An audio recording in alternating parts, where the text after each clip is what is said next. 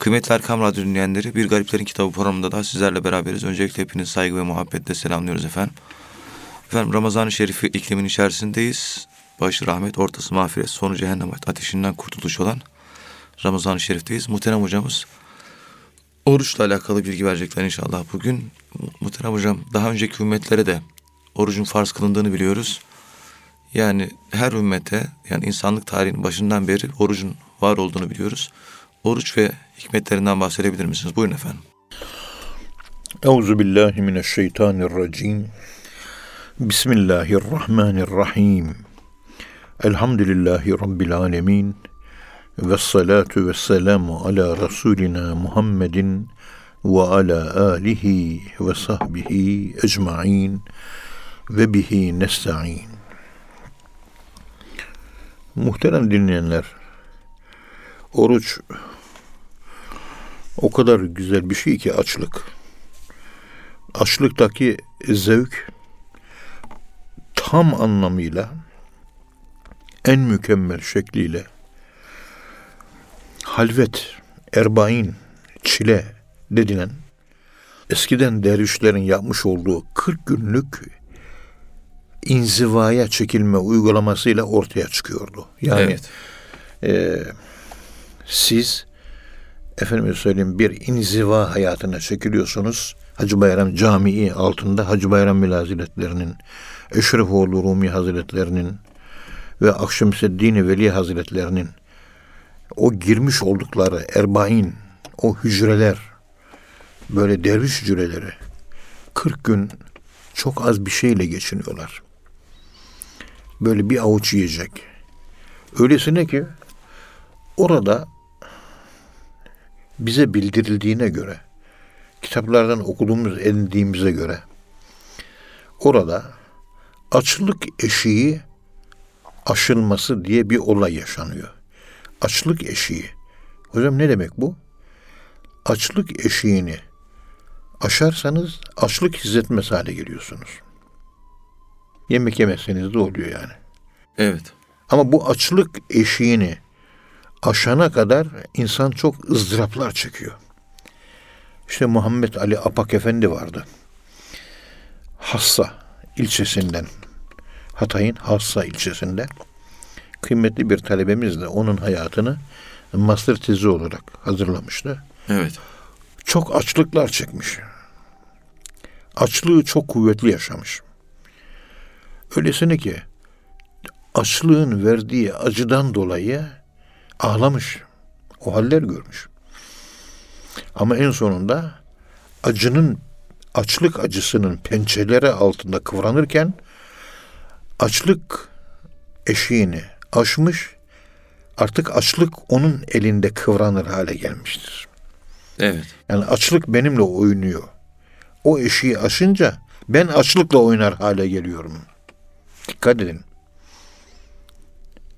İşte bir adım Allah'a ben yaklaştım. Allah bana on adım yaklaştı'nın bir başka tarzı. Allah seni yediriyor, içiriyor, doyuruyor. Herhangi bir yiyeceğe ihtiyaç duymuyorsunuz. Mesela buna örnek olarak vahidçiyim. Şunu vermek istiyorum ben. Buyurun hocam. O Alman psikolog, profesör hanımefendi Mikaella Mihriban Özelsel 350 sayfa Üsküdar'da bir evde halvete girmiş. Halvette 40 gün diye de bir kitap yazmış. Evet. Dinleyicilerim uyduruk kıytırık da olsa hakiki bir erbain dahi olmasa bile o hakiki erbaine yakın elde edilebilecek sonuçların bir kısmına bu Alman bilim insanı kadıncağız ulaşabilmiş. Evet. Yani diyor ki en son ne zaman yedim yazıyorum diyor. İşte 5 kiloluk bir elma, 5 kiloluk da bir armut koymuş. Başka da bir şey yok. İki file. Evet. Başka yiyecek yok. Su var, elma armut var. Başka yok. Bir çeşit meyve daha vardı. O da aklıma gelmiyor. Şimdi yedikçe yazıyor. Şu tarihte iki tane elma yedim. Bu tarihte bir elma yedim. 24 saatte bir elma Daha başkası yok. Evet. Bir ara oldu. Öyle bir oldu ki diyor. Açlığı hissetmemeye başladım ben diyor. Yani açlık ama açlığı hissetmiyorum ki diyor. Şaşırdım. Bir baktım diyor. Canım bir elma ister gibi oldu diyor. Bir önceki elmayı ne zaman istemişim? Bir önceki elmayı istemem ve yemem 17 gün önce olmuş diyor. 17 günden beri ben elma yememişim diyor. Hiçbir şey yememişim diyor. Ne kadar su içmişim? En son su içeli 5-6 gün olmuş. Su içme ihtiyacı da yok diyor. Yani açlık eşiğini aşınca insan ölmüyor. Evet. Biz bu oruçlarla açlık eşiğini aşmaya çalışmamız lazım. Bu nasıl oluyor vahiyçiyim? Dikkat et. Buyurun hocam. Oruç ilk geldiğinde bize Müslümanlara farz olduğunda o farziyet yerine getirilirken akşam ezanı okunuyor, orucu bozuyorlar. Sahabe. Yatsı okunuyor, oruç başlıyor. Yani akşamla yatsı arasında iftar var. Yatsıdan sonra yemek, içmek ve cinsel münasebette bulunmak yok. Başlıyor yani. Yaslı. Yatsıda başlıyor. Evet. Orijin oruç bu şekilde. Yani akşamla yatsı bir saat 10 dakika, bir saat 20 dakika. Hadi bir buçuk saat desen. Öyle söylüyorum. Yani şimdi şöyle bir düşün bakalım. Ya ilk oruç başladığında Medine-i Münevvere'de bir bakıyorsunuz akşamleyin iftarı yapıyorlar. Namaz kılıyorlar. Yası okunuyor. Oruç başlıyor. Başka yemek içmek yok. Yani 24 saatte bir saat yemeği Cenab-ı Allah bizden istiyor. Orijin, ilk başlangıç oruç bu. Evet. Günde bir öğün yenecek. Onu alıştırmak istiyor Cenab-ı Allah. Yaratılışımızda ki daha önceki derslerimde anlattığım gibi o bizde gizli bir takım potansiyeller var ya açığa çıkmayı bekleyen potansiyeller günde bir öğün yerseniz kalbinizdeki hikmet pınarları coşmaya başlar diyor. Yani kalpteki hikmet pınarlarının coşmaya başlamasının manası şudur. Allah'la konuşmaya başlarsınız. Evet. Allah'la konuşmaya başlamak ile kalpteki hikmet pınarlarının kaynar hale gelmesi, fışkırır hale gelmesi aynı manada. İnsanlarla konuşmak ihtiyacı varsa sizde Allah'la konuşma kabiliyeti gelişmemiş demektir. Evet. Onunla konuşuyor WhatsApp'ta, bununla konuşuyor. Akşama kadar lak lakla vakit geçiriyor. Bu gibi insanların kalbinde hikmet yok. Çünkü insanlarla konuşmak kendini tatmin ediyor. Allah'la konuşma ihtiyacı duymuyor. Allah'la konuşma ihtiyacı duyan bir insan insanlarla konuşma ihtiyacı duymaz. Böyle bir ihtiyaç hissetmez. O yüzden ben Allah'la konuşuyor muyum? Cevap konuşmuyorsun.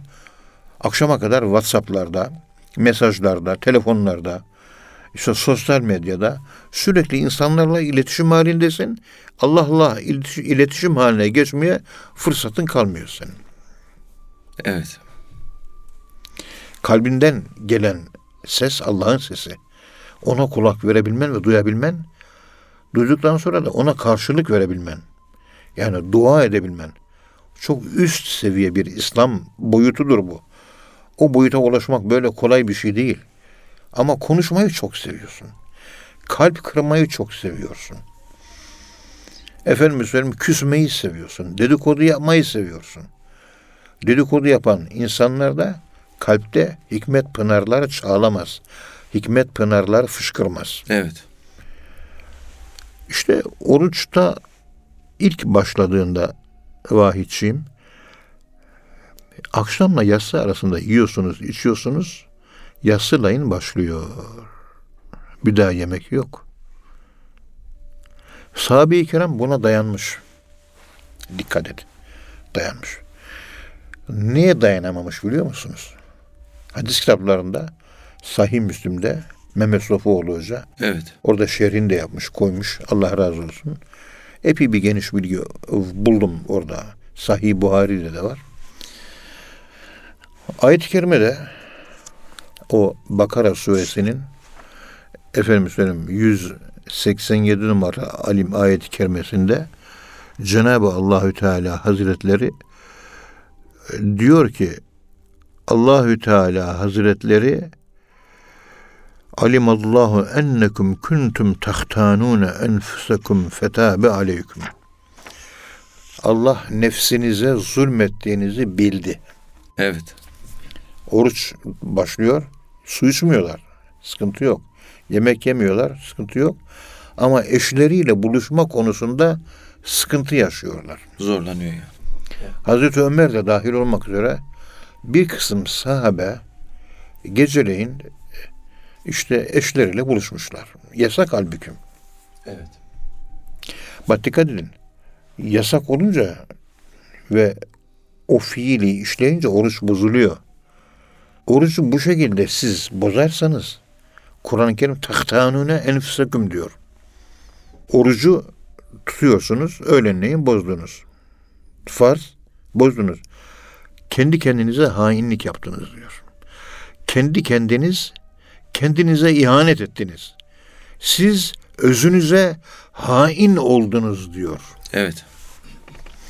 Ondan sonra Allahü Teala bu durumu bildi, hafifletti diyor. Artık imsak vaktine kadar yetebeyyene lehum minel haytil ilal işte e, yetebeyyenu ayetken beyaz iplik siyah iplikten ayrılıncaya kadar artık yemeye içmeye devam edin diyor.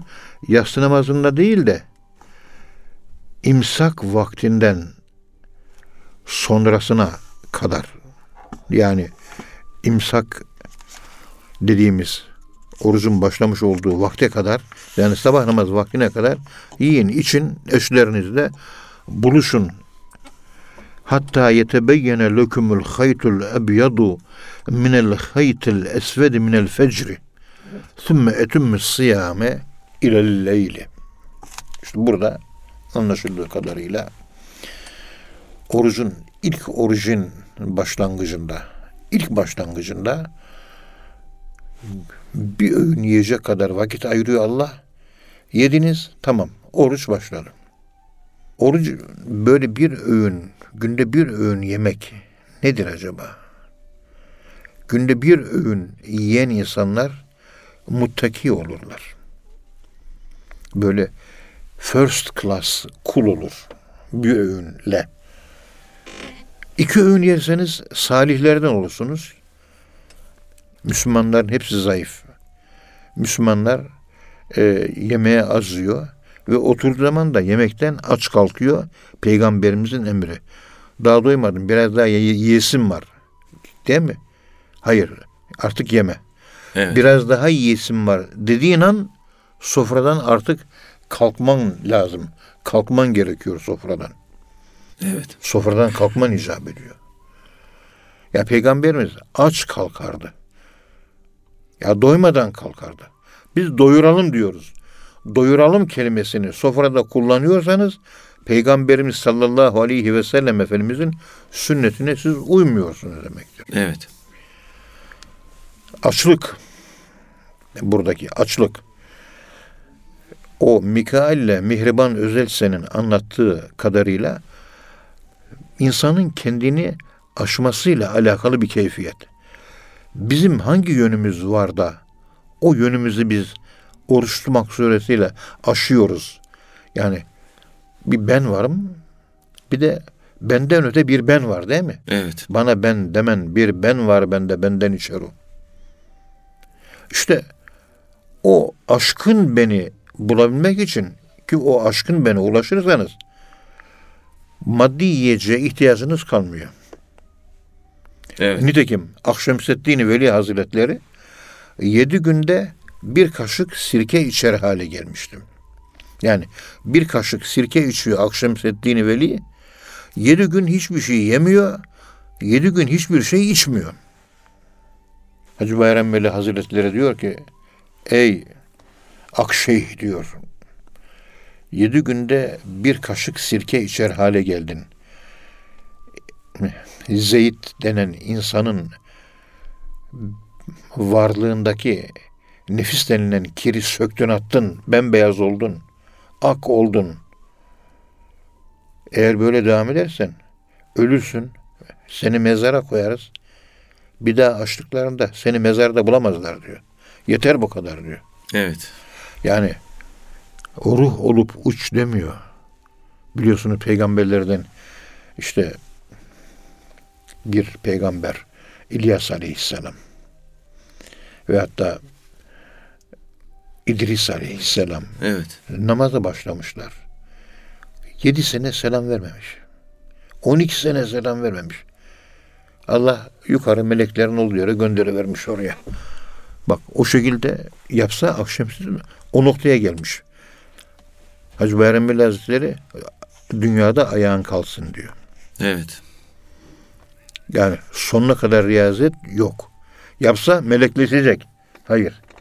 Biz insan olmaya çalışıyoruz. Melekleşmeye çalışmak ideal değildir. İnsan olmaya çalışmak meleklerin üzerine çıkmak demektir. Yani akşamüzzetin anlaşıldığı kadarıyla nefissiz varlık haline dönüşecek. Hacı Bayram Hazretleri engel oluyor. Müsaade etmiyor. Yok diyor, hayır diyor. Akibet ışık olursun diyor, mezarında bulamayız seni diyor. Sen insansın, insan kal diyor. İnsan olmak demek, kainatın sahibi olmak demektir. Halife, Allah'ın adına bütün kainata hakim olan varlık, meleklerden daha üstün. Melekleşirsen seviye düşmesi oluyor. Evet. İşte mübarek Bayezid Bestami Hazretleri nefsinden şikayet ediyor. O büyük zat. Rahimehullah. Bir sene aç kalmış. Bir yıl. Bir yıl süreyle hiçbir şey yememiş. Bir yıl süreyle hiçbir şey içmemiş. Bir yıl. Hiçbir şey. En uzun oruçtan Beyazlı Bestami Hazretleri. Ama gençlikte onda bazı bir takım hatalar olmuş. Evet. Böyle sohbet ederken insanlar toplanmış. Tatlı tatlı sohbet ediyor. Ve sohbet meclisine kapıdan bir kadın selamun aleyküm Beyazıt diyor. O da aleyküm selam diyor. Ey Beyazıt insanlara böyle sohbet ediyorsun ama diyor. Sen gençlikte benimle beraber ikimiz ne tatlı anlar yaşamıştık değil mi diyor. Evet. Beyazı Bestami Hazretleri sakin bir şekilde tebessüm ederek hakikaten öyle olmuştu diyor. Çok tatlı anlar yaşamıştık. İkimiz beraber diyor. Evet. Ama tövbe kapısı açık değil mi diyor. Kadıncağız açık diyor. Tövbe ettim diyor. Evet. Biz geçmişte insanlar bir takım kusurlar ve günahlar işledi diye tövbe etmesine rağmen hala o günahı işliyormuş gibi muamele yapmaya devam ediyoruz. Bu da olgun Müslümanlık alameti mi? Hayır değil. Biz kötüye dahi iyi demeye çalışıyoruz. Allah sorgulaması gerekiyor. Biz sorguluyoruz. Biz sorguluyoruz. Bir de dışarıdan bakıldığında çirkin gözüküp de içi güzel bir olaysa onu nasıl anlayacağız? Dışarıdan çirkin gözüküyor yaptığı hareket. Ama içinde özünde güzellik var. Melami şeyhi ne yapıyor? Her gün evine rakı götürüyor değil mi? Evet. Rakıcı adama bak diyorlar. İçkiciye bak diyorlar. Adam her gün bir şişe rakı alıyor, götürüp tuvalete döküyor. Dışarıdan çirkin gözüküyor. Neyin ne olduğunu kimse bilebilir mi Allah'tan başka? Onun için böyle birilerini eleştirirken böyle mazannadan bizatsa ya bu adam iyi bir adam. Şu yaptığı hareket de kötü bir hareket. Lan Böyle bir adamdan böyle bir hareket çıkmaz. Acaba arka planda ne var diye düşünmek yerine varıp yüzüne hakaret güm güm güm güm güm hakaret ediyorsunuz. Evet. Ben sana nasıl güveneceğim diyorsun. Ya adam yaptığı hareketin arka planı görebiliyor musun? Görmüyorsun. O yaptığın hareket yarın döner dolaşır senin başına çörekli yılan olarak çöker. Haberin bile olmaz. Onun için biraz hüsnü zan lazım. Evet. Hüsnü zanla emrolunduk. Biz kötülere kötü dememeye çalışıyoruz bu yüzden. Men ayyere ehahu la yemute hatta ya'mele. Kimse kimseyi kınamasın. Kınarsa o yaptığı kötü işi kendi yapmadan önce ölmez diyor. Evet. Allah ona yaptırtırır ondan sonra canını alır. Onun için öyle insanlara çatmanın, yüksek sesle konuşmanın, gümbür gümbür ötmenin, dayılanmanın, efelenmenin alemi yok. Böyle ukala tiplerle hayatımda çok karşılaştığım için insanı sevmekle emir olunduğum için nefret de edemiyorsunuz Vahit Bey. Evet. Sizi tanıyamıyor, sizi bilmiyor. Konuşuyor. Ağzı var, dili var, konuşuyor. Ya bu adam görüntüsü böyle bir adam. Şu hareketi, şu konuşması da yanlış gibi gözüküyor. Acaba ben yanlış mı anlıyorum? Bir anlamaya çalışayım. Bu ifadelerin arka planında ne var? Bu davranışın arka planı nedir? Bunu bir anlamaya çalışayım. Yerine hemen eleştiriyle üzerine saldırıya geçiyorsunuz. Ve onun karşılığı olarak da yaptığınız hareketin belasını kozmik oyun diyor Mevlana Hazretleri. Kozmik oyun. Evet. Allah ummadığın yerden sana bir tokat atacak. Haberin olsun. Evet. Yanlış yapıyorsun. Suizandan dolayı. Suizandan dolayı bilmiyorsun neyin ne olduğunu. Orada geçiyor, bağırıyor. Küfür ediyor birisine. Allah dostuna ama birisine küfür ediyor. Ulan diyor, vay diyor sen diyor işte falan filansın diyor. Şu bu falan diyor. O da bakıyor. Ya niye böyle konuşuyorsun diyor. Ama konuştuğu yer eksik bile konuştu. Çünkü o, o şekilde konuşunca karşıdaki insanda öyle bir etki, öyle bir etki bırakıyor ki Tabii. o adam tövbe edip doğru yola dönüyor. Ama o şekilde bir laf duyması lazım. Kimse söyleyemiyor. Evet. Çıkıyor gümbür gümbür o söylüyor. Nefsinin tam ortasına baltayı gümbür diye indiriyor. Bu da niye baltayı indirdin diyor. Evet. Gönül kırıyor. Böyle bir Allah dostunun gönlünü kırmak ahirette bedbahtlıktır. Allah korusun. Onun için böyle insanlara baktığınız zaman e, insaf gözüyle bakmak ancak ariflere mahsus bir iştir. Gümbür gümbür konuşmak kolay, eleştirmek kolay, yıkmak kolay, inşa etmek zor. Evet. Ama Allah dostları da yapılan bu eleştirileri hoş görürler, kırılmazlar, tebessüm ederler. Ya Rabbi bilmiyor der, elini yüzüne kapatır, çeker gider. O kadar. Evet. Küsmez, darılmaz. Çünkü karşıdakinin aklı yok. Entelektüel kuantisi 6 yaş çocuk seviyesinde. Arkasını maneviyatta okuyorsunuz, murakabe yapıyorsunuz ruhuna. Bakıyorsunuz kıskançlık yatıyor. İslami gayret yok. Evet. Bakıyorsun düşmanlık yatıyor. İslami gayret yok. Bakıyorsunuz araştırma, tecessüs, merak var. Otur da kendi günahına mer tecessüs et, merak et, araştır. Onun bunun günahıyla ne alakan var senin? Evet. Arka planda nefis gözüküyor. Allah için eleştiri yapmıyor. Onu görüyorsunuz. Tasavvuf olayında bu gibi halleri çok yaşadığımız için ve elhamdülillah göğsümüzde geniş hiçbir eleştiri göğsümüzde bir iz bırakmadı elhamdülillah. Çünkü vahiyçiyim. Allah'ımı iyi biliyorum ben. Evet. Gözümü diktim ona bakıyorum. O da gözünü dikti bana bakıyor. O beni, ben onu biliyorsam bu gibi sağda, solda hırlayan ve bağıran, çağıran çılgınlara, bu gibi kendini bilmezlere, bu gibi taş atanlara, diken atanlara aldırmanın da bir alemi yok. Evet. Çünkü beni enterese etmiyor.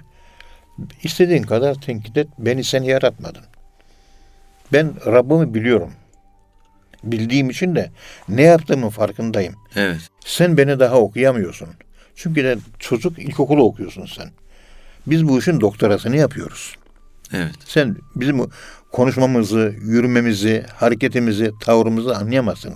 Sen daha çocuk seviyesindesin. Sen böyle kalmaya devam et. Cicik, cicik diye başını saçını yavrum, kızım falan sen iyisin. Okşamaya devam ediyorsunuz. Onu orada bırakıyorsunuz. Bilmiyor. Evet. Bilmiyorsun demek de saygısızlık oluyor. Saygımızdan dolayı da sen bilmiyorsun ifadesini kullanmıyoruz. Sen haklısın, sen iyisin, ben de kötüyüm deyip yola devam ediyoruz. Savun yani oruç bizi açlık aynasında kendimizi görmeye çalışmak ameliyesi. Evet. O açlık karşısında ben kimim? Bir gün değil, iki gün değil.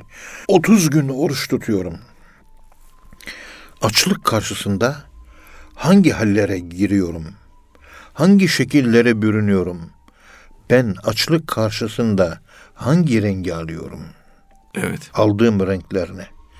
Aldığım şekil ne? Aldığım biçim ne benim? Bir oruç aynasında kim bilir kaç tane şekil aldık şimdiye kadar.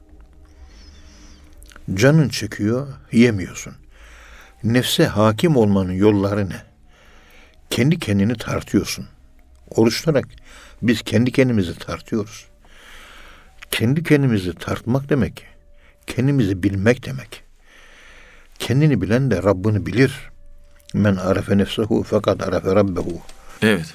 İşte İmam Gazali İhya-i Ulumiddin adlı eserinde açlıkla ilgili psikolojik mahiyette, psikoloji bilimini andırır tarzda bazı açıklamalar yapıyor. İnsanda zillet duygusunu yani hiçlik, yokluk, tevazu, acizlik bu duygular gelişiyor insanda. İnsanda bu gibi zillet, acizlik, zül, fakir, Evet. yokluk, mahv ki ta konuşmalarımızın ilk başlarında oruçla ilgili konuşma yaparken ölüm referansı üzerinden orucu vermeye çalıştık. Ve arkasından namaz referansı üzerinden e, insanı ölümünü anlattık. Oruç insanın bir tür ölümüdür. Namaz insanı ölü insanın bir tür ölüm formudur. Ama fizik değil, metafizik form. Evet. Zekat verirken de biz ölüyoruz. Daha içimizdeki bir takım kötü duygular ölüyor. Nefsin hastalıkları ölüyor. Hacca gittiğimizde de öyle. Dört tane fena var diyoruz. Bu dört tane fena ne kadar önemli. Evet. İnsanın ölmeden önce ölme macerası. Mutu enfusekum kable en temutu. Ölmeden önce nefsinizi öldürünüz. Ve hatta ölmeden önce ölünüz. Evet. Bu şekilde ölümü bir varoluş halinde siz yaşamaya muvaffak olursanız hayatın manasını da biliyorsunuz. Çünkü ölümü bilmeden hayatın manasını bilemezsiniz. Namazla biz ölüyoruz.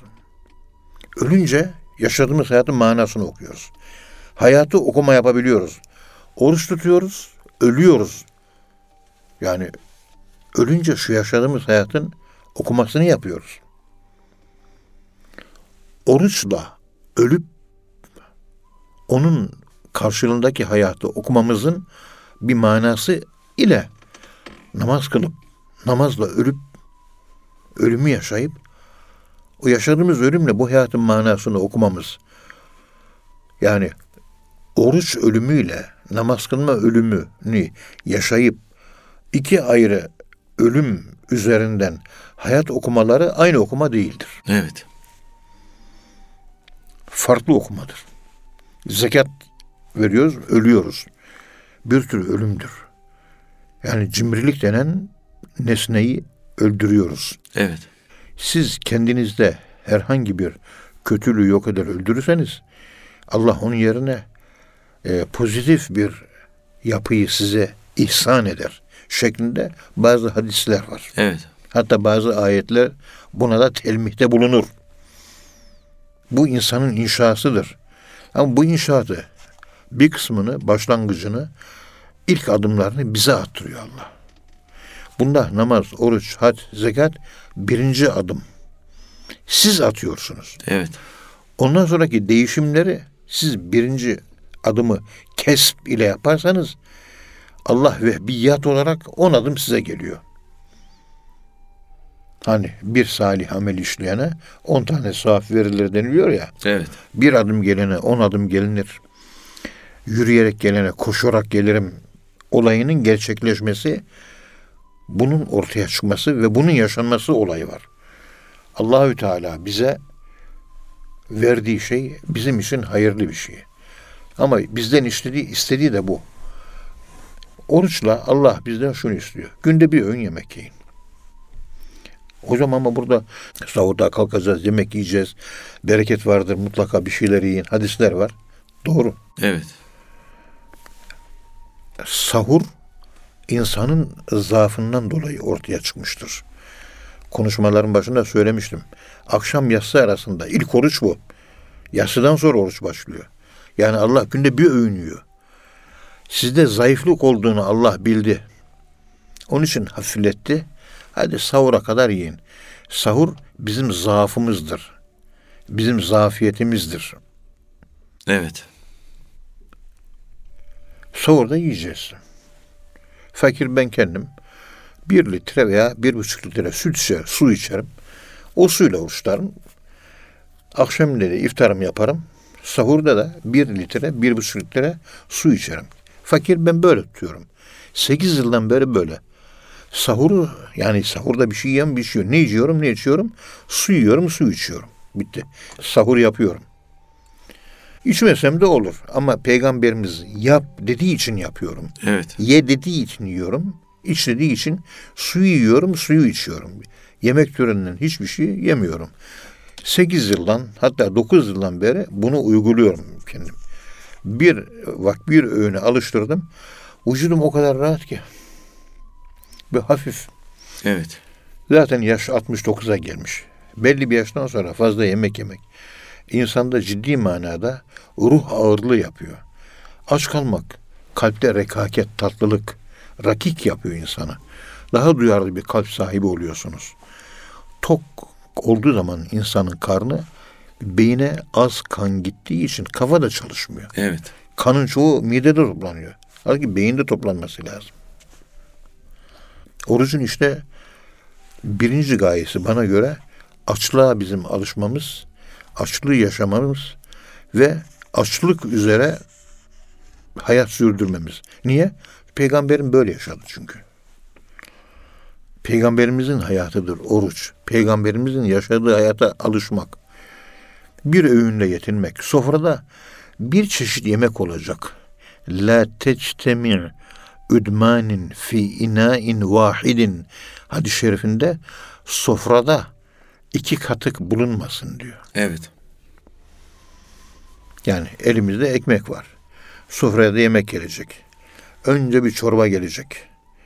Ondan sonra kuru fasulye gelecek. Arkasından pilav gelecek. Ondan sonra dolma gelecek. Arkasından kabak tatlısı gelecek. Yanında onun salata da olacak. Bir takım meşrubatlarımız olacak. Biraz ordövr, böyle çerez merez, fındık fıstık falan da olacak. Arkasından çayımızı içeceğiz. O da yetmedi iki kaşık bir sütlaç alırsak iyi olacak. En sonunda kahve içelim. Hadi sünnet deyip bir de yatarken bir bardak süt içerek yatalım deyince 15 çeşit yemek çıkıyor ortaya. Evet. Peygamberimiz bir çeşit diyor. Bir yemeğin besin değerleri diğer yemeğin besin değerlerini insan metabolizması içerisinde yok ediyor. Yok etmesinin haricinde iki farklı yiyeceğin bazı efendime söyleyeyim malzemeleri, ihtiva ettikleri gıda değerleri zehire dönüşüyor. Zarar veriyor. Zara tek çeşit. Evet. O e, hatırladığım kadarıyla Zaro Ağa böyle savaşta kalmış. Doğu Anadolu bölgesinde yaşayan adı bu Zaro Aga. Yaşlı. Dünyanın en yaşlı adamı oymuş. Yani Hakkari civarında veyahut da Bitlis'inde oralarda yaşamış mübarek bir zat. Adam yemek bulamamış yemeğe. 145 sene yaşamış mı? 148 sene yaşamış. Yani 150 sene yakın yaşamış ve ölmüş. Adama sormuşlar. Demişler ki Zaro Aga söyle bakalım. Sen ne yedin ne içtin? Vallahi yiyecek bir şey bulamadım. Ben fakirdim demiş. E, Peki ne yedin ne içtin? Ömür boyu ekmek ve yoğurt yedim diyor. Bak ekmek ve katık olarak bir çeşit yoğurt. Yoğurt. Ekmek ve yoğurt. Ve ömrü de adamın uzun olmuş. Tek çeşit. Biz oruç mevsimi geldi, Ramazan mevsimi geldi. Şu, televizyonlarda yemek tarifleri, yemek çeşitleri, falanca otelin ünlü ahçı başışı, kuzu kapama nasıl yapılacak, hindi dolma nasıl olacak, efendim tavuktan yapılacak yiyecek çeşitleri, efendim dolma türleri, tatlı çeşitleri, pasta çeşitleri, neler neler neler. acaba yemek cennetinde miyim diyesin geliyor. Sezon açlık sezonu. Açlık sezonunda yiyecek patlaması yaşıyoruz. Orucun ruhuna aykırı değil mi bu? Evet. Sofraya oturdum. Bir dostum vardı. Güngör Efendi. Allah uzun ömür versin. Değerli bir Allah dostu. Muhterem Münir Derman Hazretleri Kuddüs'e sürru. Onun yetiştirdiği bir rical. Beni iftara davet etti. Ethem hocam gel dedi. İftarda sana yemek yedireceğim dedi. Olur dedim. Güngör Bey Allah razı olsun değerli insan. İftar vakti geldi. Yemek yiyeceğiz. Yarım ekmek onun önünde, yarım ekmek benim önümde. Ortada bir tabağın içerisinde sirke, kenarda tuz, bir kenarda su. Yani sirke ve ekmek. Başka bir şey yok. Evet. Bana onu yedirecek. Ama onu yedirmeden önce yandaki odada masanın üzerinde esas yedireceği yemeği gösterdi. Ethem Hoca bak dedi. Bizim iftarımız bu dedi. Çok güzel bir baklava. Çok güzel efendim söyleyeyim nar gibi kızarmış bir pirinç. Çok güzel dolmalar. Çok güzel salatalar. Köfte mis gibi. Pirzola vesaire. Çorba. Tam böyle güzel bir çorba. Evet. Ezogelin çorbası. Tabii açım. Böyle iştahla baktım onlara. Dedi bunlar yiyeceğiz ama dedi. İftar yaptıktan sonra yiyeceğiz dedi. Anlayamadım. Yani iftar yapacağız. İftarda yemeyecek miyiz? Yiyeceğiz de. Bir ön iftar yapacağız. Ondan sonraki aşamada bunlar yiyeceğiz dedi. Evet. Nasıl güzel mi yemekler dedi. Güzel gayet lezzetli dedim. Tamam dedi. Yanındaki odaya geçtik. Ortada masanın üzerinde işte e, yarım ekmek ona, yarım ekmek bana. Tuz ve sirke var. Ezan okundu. Sudan içtik. Tuza bandık. Sünnet üzere. Ve o ekmeği sirkeye banarak yarım ekmeği yedik. Ondan sonra bir litre yakında suyumuzu içtik. Sirke ve ekmek. Peygamberimiz en güzel katık sirkedir diyor. Bunda kimse anlayabilmiş değil. Evet. Fark, belki ben de anlayabilmiş değilim ama sirke ve ekmek diyor. Sirke neyi ifade ediyor? Bu hadis-i şerifi yeteri kadar hadisçilerin e, değerlendirebildiğini ben zannetmiyorum. Sirkede bir gıda yok. A, B, C, V, D vitamini falan yok. Sirke asit. Ne var onda acaba? Peygamberimiz onu yiyin diyor.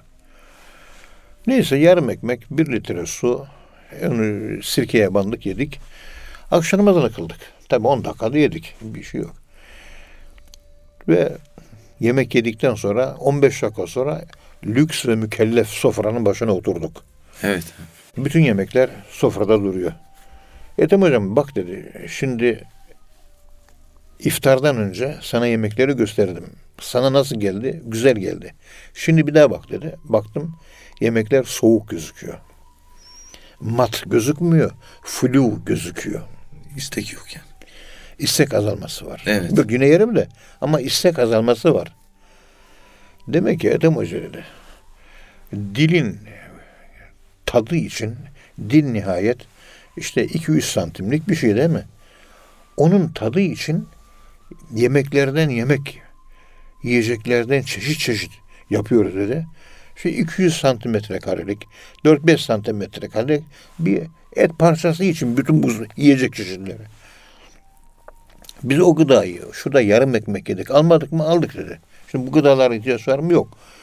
Bu gıdaları aldığımız için vücut beden diliyle bu gıdalara ihtiyaç hissetmediği için iştah duymuyoruz dedi. Evet. İştah duyuyorsanız ilk gıdaya ihtiyacınız var demek. Basit bir ek- ekmek yesek ne olur dedi. Sade ve basit insan oluruz dedi. Burada konforlu yemekler yiyoruz. Konforlu Müslüman oluruz. Peygamberimiz konforlu mu yedi? Basit mi yedi? Basit yedi. Konforlu yeme imkanı vardı. Vardı. Yedi mi? Yemedi. Basit yedi. o basit yemesinin ifade ettiği manayı nasıl anlayacağız dedi. İşte o uygulamayı yaptık şu anda dedi. Hadi yiyelim dedi. Hakikaten yedik o yemekten de. Yani ilk defa o yarım ekmeği ve sirkeyi yemeden önce direkt o sofraya otursaydım sanırım epey bir şey yerdim orada ben.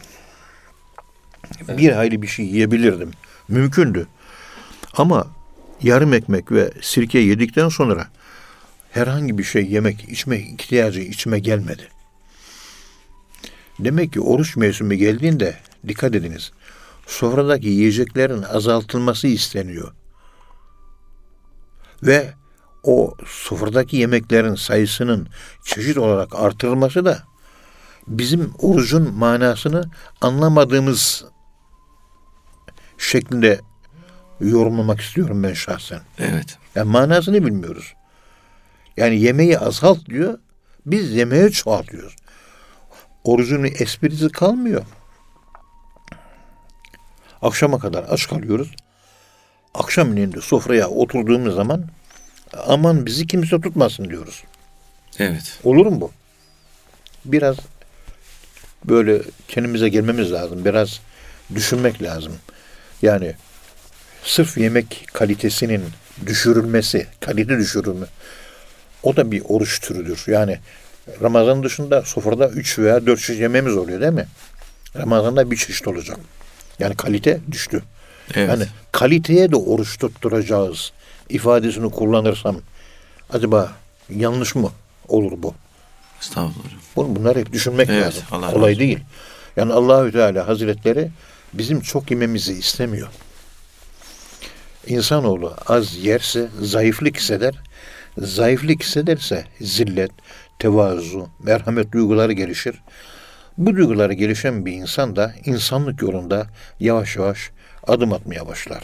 İşte oruçtaki bu aylardaki yapılacak en büyük kendimize hizmet benim şahsi kanaatime göre yemeğin kalitesini ve çeşidini azaltmak. Kaliteyi de azaltacağız. Bulgur ye. Bulgur ve e, şey ve e, yoğurt ye mesela. Evet. Elma ve yoğurt ye. İki çeşit. Fazla olmasın. Sahurda da efendime söyleyeyim börekle beraber yoğurt ye. Veyahut da elma ile beraber börek ye. Yani birisi ekmek yerine geçsin, öbürü katık yerine geçsin. Hadis-i şerife de uygun olsun. Ramazan'da bunları yaşamaya ne dersiniz? İnşallah hocam. Evet Allah razı olsun hocam. Cenab-ı Hak hakik manada oruç tutmayı nasip eylesin. Tuttuğumuz oruçları da makbul eylesin inşallah. Efendim bir programın daha sonuna geldik. Bir sonraki programda tekrar buluşmak ümidiyle hepinizi Allah'a emanet ediyoruz. Hoşçakalın efendim.